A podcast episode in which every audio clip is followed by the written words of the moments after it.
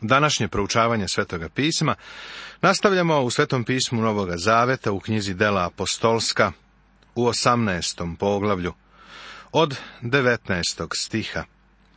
I govorimo o drugom Pavlovom misionarskom putovanju. A kad stigoše u Efes, ostavi ih onde, te sam uđe u sinagogu i obrati se judejima – Sećaš se da kada je krenuo na svoje drugo misionarsko putovanje, da mu duh Božiji nije dozvolio da ide u Efes. Sada na povratku on zastaje u Efesu, ali se ne zadržava dugo. I kad su ga molili da ostane što duže, nije pristao, nego se oprosti od njih i reče, Ako bude volja Božija, vratit ću se opet k vama i tako otplovi iz Efesa. Ponovo bi neko mogao pitati zašto je Pavle držao praznike. Seti se njegovog porekla. On je jevrein kao i Simon Petar. Odrastao je uz Mojsijev zakon. Zna da će mnogi njegovi prijatelji biti u Jerusalimu za praznik. On želi da ide tamo i da im svedoči. On smatra da po svaku cenu mora da ispoštuje ovaj praznik u Jerusalimu. Pavla je pod blagodaću. Ako želi da to uradi, to je njegova stvar. Međutim, uvideo je da u Efesu jesu otvorena velika vrata. On ima misionarsko srce, pa želi da se opet vrati kod njih. Efes je bio jedan od velikih gradova Rimskog carstva. Došavši u Kesariju, ode gore u Jerusalim, pozdravi crkvu, pa siđe u Antiohiju. Pristao je u Kesariji. Kesarija i Jopa bile su luke iz kojih se išlo u Jerusalim. Otišao je u Jerusalim i tamo podneo izveštaj. Zatim je otišao na sever u svoju matičnu crkvu, u Antiohiju, Ovim se završava drugo Pavlovo misionarsko putovanje. Zapazi da do trećeg putovanja neće proći mnogo vremena. Ovdje je proveo neko vreme, pa onda otputova, idući od mesta do mesta kroz Galatiju i Frigiju i utvrđujući sve učenike. Ovo je njegovo treće putovanje kroz Galatijsku zemlju vidjet ćemo da će ići u Efes na trećem misionarskom putovanju. Tamo će imati divnu službu, ali sada neko drugi treba da dođe u Efes. To je Apolo, drugi veliki propovednik u prvoj crkvi. Nije poznat kao Pavle, ali o njemu možemo mnogo saznati. Apolo u Efesu u Efes, međutim, dođe jedan judein po imenu Apolos, rodom Aleksandrijac, rečit čovek i dobro upućen u pisma. Apolo je bio jevrein, što znači da je i on odrastao uz poštovanje Mojsijevog zakona. Njegovo ime Apolo je grčko. Znači bio je helenist u dijaspori. Nije bio rođen u Grčkoj niti u oblasti Makedonije, već u Aleksandriji u Severnoj Africi. Aleksandrija, koju je osnovao Aleksandar Veliki, bila je jedan od najvećih centara grčke kulture. Tamo je bio veliki univerzitet i jedna od najboljih biblioteka na svetu. Tu je načinjena grčka verzija Starog zaveta, Septuaginta. U Aleksandriji je postojao i jevrejski hram. Značajan centar rane crkve se pomerio iz Jerusalima i Antiohije u Aleksandriju, i tu svoju važnost je zadržao nekoliko vekova istorije rane crkve. Atanasije, Tertulijan i Avgustin, tri velika čoveka rane crkve, odatle potiču. Filo Apolov savremenik je pomešao grčku filozofiju i judaizam. To je bila kombinacija platonizma i judaizma. Apolo je očigledno bio pod uticajem tog porekla. Piše da je bio rečit čovek, veliki propovednik. Bio je i dobro upućen u pisma, što znači da je bio dobar poznavalac staroga zaveta. On je bio poučen u nauci gospodnjoj, pa je svojim vrlim duhom govorio i učio tačno o Isusu, iako je znao samo za Jovanovo krštenje. To da je bio poučen u nauci gospodnjoj, znači da je imao dobro obrazovanje rečima usta, a ne otkrivenjem. Bio je i vreo u duhu, ne u svetom duhu. Čeznuo je za onim što je Božje. Ovo je svedočanstvo svetoga duha o njemu. Iskreno govoreći, bio je veliki, izuzetan čovek. On poče slobodno da propoveda u sinagogi. A kad ga čuše, Priskila i Jakila, uzeše ga k sebi i tačnije mu izložiše nauku Božju. Pozvali su Apola kući na ručak posle službe. Shvatili su da je raspolagao malim brojem informacija, pa su mu govorili o Isusu. Kada je pak hteo da pređe u Ahaju, braća ga ohrabriše i napisaše učenicima da ga prime, tako je došao i mnogo pomogao onima koji su primili veru blagodaću.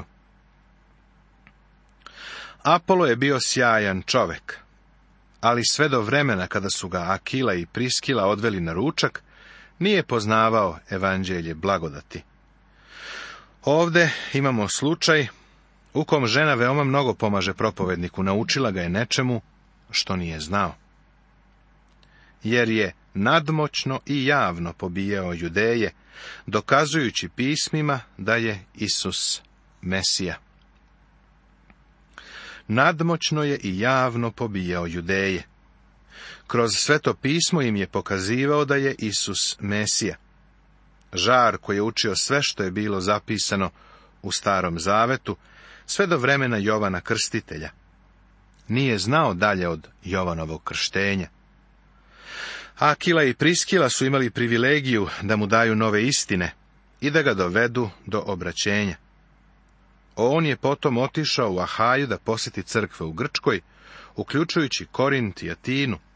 Propovedao je o Isusu Mesiji i Spasitelju. Poglavlje 19. Tema Treće Pavlovo misionarsko putovanje Pavle u Efesu. Treće Pavlovo misionarsko putovanje započeto je u prethodnom poglavlju, u 23. stihu kada je otišao iz Antiohije. U ovom poglavlju on delimično ide putem svog prvog i drugog misionarskog putovanja. Zatim dolazi u Efes, gde svakodnevno dve godine govori u Tiranovoj školi. Pavle čini čuda koja dovode do toga da se protiv njega podigla pobuna, koju je predvodio Dimitrije i njegovi drugari, kovači srebra. Pobunu su smirili gradski činovnici, koji su ih pozvali da se drže zakona, umjesto da pribegavaju nasilju. Pavlova služba u Efesu A kad je Apolos bio u Korintu, Pavle, prošavši gornje oblasti, dođe u Efes i tu nađe neke učenike. Njima reče, jeste li primili duha svetoga kad ste poverovali? Odgovoriše mu, nismo ni čuli da postoji duh sveti. Sećaš se da je Pavle na povratku sa drugog misionarskog putovanja prošao kroz Efes i da im je rekao da će se vratiti ako Bog bude hteo. Prethodno se u Efesu nije zadržavao i nije imao službu. Sada se vraća u Efes, ali ga je pretekao onaj veliki propovednik, Apolo. Sećaš se da Apolo nije ništa znao o smrti i vaskrsenju Isusa Hrista, sve dok Akila i Priskila sa njim nisu razgovarali. Propovedao je samo o Jovanovom krštenju jer je dotle dosezalo njegovo znanje. Kao rezultat ovoga, ljudi koji su čuli njegovo propovedanje, bili su upućivani samo na Jovanovo krštenje, a za duha svetoga nisu ni čuli. Pavle je to otkrio. Pavle ih pita, jeste li primili svetoga duha kad ste poverovali? Odgovorili su mu, da čak nisu ni čuli za duha svetoga. Naučeni su samo o Jovanovom krštenju. Nisu bili poučavani o gospodu Isusu, a o Pentekostu nisu ništa ni znali. Reče im još, u ime čega ste kršteni? A oni rekoše, u ime Jovanovog krštenja. Vidiš da su ovi ljudi bili kršteni, ali nisu bili spaseni još nisu bili primili duha svetoga, jer nisu bili spaseni. Prijatelju, onog trenutka kada uzveruješ u Hrista, duh Božiji te obnavlja. U tebe se nastanjuje sveti duh Božiji. Duhom Božim bivaš zapečaćen i kršten u telo vernika duhom Božijim. Ovo se događa onog trenutka kada uzveruješ i pouzdaš se u Hrista. Pavle je otkrio da se to nije desilo ovim ljudima. Sada im Pavle objašnjava da moraju poverovati u gospoda Isusa da bi se spasli. Oni pozitivno reaguju na njegovu poruku i mnogi su uzverovali. Na to Pavle reče. Jovan je krstio pokajničkim krštenjem, govoreći narodu da poveruje u onoga koji za njim dolazi, to jest u Isusa. Kad to čuše, krstiše se u ime gospoda Isusa. Jovanovo krštenje je bilo krštenje pokajanja. To je bila priprema za dolazak gospoda Isusa Hrista. Sada se ljudi okreću ka Hristu i bivaju spaseni. Oni nisu doživjeli spasenje sa Apolom, jer on čak nije ni znao o Hristu kada im je propovedao. Neki ovaj stih tumače tako, kao da su ovi ljudi bili spaseni. A kada je Pavle kasnije došao, primili su svetoga duha. Kao što vidiš, to nije istina. I kad je Pavle položio ruke na njih, siđe duh sveti na njih, pa govorahu jezicima i prorokovahu. A beše ih u svemu oko dvanaest ljudi. Ovi ljudi su sada mogli da evanđelje govore u drugim jezicima, u jezicima koji su se mogli razumeti. Efes je bio mnogojezični grad Rimskog carstva. Tamo su se govorili mnogi jezici, baš kao i u Jerusalimu, na dan Pentekosta. Duš te obale su se susretali istok i zapad. Bio je to veliki grad toga doba. Ovi ljudi su sada mogli da celom gradu prenesu radosnu vest o Hristu. Zapazi da ih je bilo dvanaest. Bio je to početak službe u Efesu. Pavle je imao veliku službu u Korintu, ali čak i veću u Efesu. Tada uđe u sinagogu i tu je istupao slobodno tri meseca, govoreći o carstvu Božijem i trudeći se da ih ubedi. Kako se pak neki pokazaše okoreli i nepokorni, ružeći nauku pred svima, on odstupi od njih. Odvoji učenike i svakodnevno propovedaše u školi nekog tirana.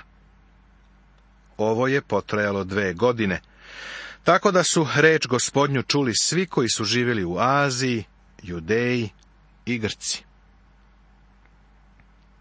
Pavle je morao da ode iz sinagoge jer je tu imao mnogo protivnika. Svoje mesto delovanja je premestio, pa je svakodnevno govorio u Tiranovoj školi. Kakva je bila ta Tiranova škola? Bila je to škola za Efesce. Usred dana su imali odmor, verovatno dva ili tri sata. Mislim da je Pavle iznajmljivao prostor u to vreme njihovog odmora usred dana, pa je tu tokom dve godine propovedao Božju reč. Kao rezultat toga, cela Azija je čula Božju reč, i Jevreji i Grci. Ovo nam daje ideju o tome kako se Božja reč širila u to vreme. Očigledno je da je u ovo uspešno vreme nastala crkva u Kolosima. Vidiš, Pavle je pisao Kološanima, kao i Rimljanima, pre nego što ih je posjetio. Ipak je on i osnivač tih crkava. Kako je to moguće? Zbog jednostavne činjenice da se iz Tiranove škole pročulo evanđelje, raširilo se na sve strane. Kada su korinčani poželeli da Pavle dođe kod njih, napisao im je sljedeće. Neću naime da vas sad vidim samo u prolazu, jer se nadam da ću neko vrijeme ostati kod vas, ako gospod dopusti. U Efesu pak ostaću do pedesetnice, jer mi se otvoriše velika i za rad povoljna vrata, a protivnika je mnogo. Ovo je zapisano u prvoj poslanici Korinčanima u 16. poglavlju, od 7. do 9. stiha. Dve godine se evanđelje razglašavalo, pa su ga u Aziji svi čuli. Verovatno je sedam crkava u Maloj Aziji nastalo kroz Pavlovo propovedanje ovdje u Efesu. Moguće je da je tu imao najveću službu. A Bog je, preko Pavlovih ruku, činio neobična čuda. U grčkom jeziku se koriste različite reči koje naša Biblija prevodi kao čuda. Ovde za reč čudo imamo reč dunamis, Reč od koje je nastala reč dinamit. Ona znači delo sile. Bog je Pavlovim rukama delovao čudesnom silom. Pavle koristi apostolske darove. Ovo je bio veliki religijski centar, verovatno veći od Atine ili nekog drugog mesta. Tamo je bio veliki hram podignut Tijani, a njeno obožavanje je do same srži bilo sotonsko. Sada, da bi se suočio sa takvim protivnicima, Bog je Pavlu obezbedio posebnu silu. Tako da su i ubruse za znoj i kecelje sa njegovog tela odnosili na bolesnike i bolesti su ih ostavljale, a zli dusi su izlazili iz njih. Šta su bili ti ubrusi i kecelje koji se ovdje spominju? Koristili su se za brisanje znoja. Pavle ih je upotrebljavao dok je radio. Seti se da je bio majstor za pravljenje šatora. Tamo je klima bila topla. Dok je radio, znojio se. Ove materijale ubruse i kecelje je koristio za brisanje čela. Bili su prljavi. Na sebi su imali njegov znoj. Ljudi bi dolazili i te prljave materijale uzimali i bivali isceljeni od bolesti. U tom kraju je vladala čudna religija koja je upotrebljavala belu odeću i isticala da sve mora biti vrlo čisto i belo. Sve je moralo biti baš tako. Izgleda da je Bog ukorio ovakav način razmišljanja. Koristio je prljave, znojave materijale da bi isceljivao ljude. Ovo nam otkriva posebnu silu koja je bila data apostolu Pavlu. Koliko ja znam, ovo je jedini ovakav događaj koji se ikada desio, uključujući i vreme u kome mi živimo. Skoro da je bogohulno poslati maramicu, pa tvrditi da je u njoj sila. Pavlova maramica je bila stari znojavi komad tkanine. Bog je nju upotrebio da bi ukorio neznabošce i paganske religije toga doba. Bolesti su nestajale a zli duhovi su izlazili iz ljudi kada su uzimali te prljave znojave tkanine. A neki od judeja, koji su skitali i zaklinjali duhove, počeše prizivati ime gospoda Isusa na one koji su imali zle duhove, govoreći im, zaklinjem vas Isusom koga Pavle propoveda. A kada su vidjeli šta je Pavle učinio, pokušali su da ga kopiraju. U vezi sa ovim vidjet ćemo jedan poseban događaj. Sedam sinova jednog judejina, Skeve, prvosveštenika, činili su ovo. Ali zli duh im u odgovoru reče, Isusa poznajem i Pavla znam, ali ko ste vi? Zapazi da su ovo bili sveštenici. Sveštenici su se odavali ovakvim stvarima. Grčka reč za poznavati je ginosko. Ona ne podrazumeva znanje verom. Ona jednostavno znači to da su zli duhovi znali ko je Isus. I čovek u kom je bio zao duh, skoči na njih, navlada ih sve i pokaza im svoju nadmoć, tako da su goli i izranjavljeni pobjegli iz one kuće. To doznaše svi judeji i Grci koji su stanovali u Efesu, i uđe strah u sve njih, te se veličalo ime gospoda Isusa. Uviđaš efekat koji je ovo imalo. Zbog ovoga se ime gospoda Isusa veličalo i proširilo po celom paganskom gradu. Efes je bio veliki grad, kojeg je ovo prodrmalo. Nastavit će se.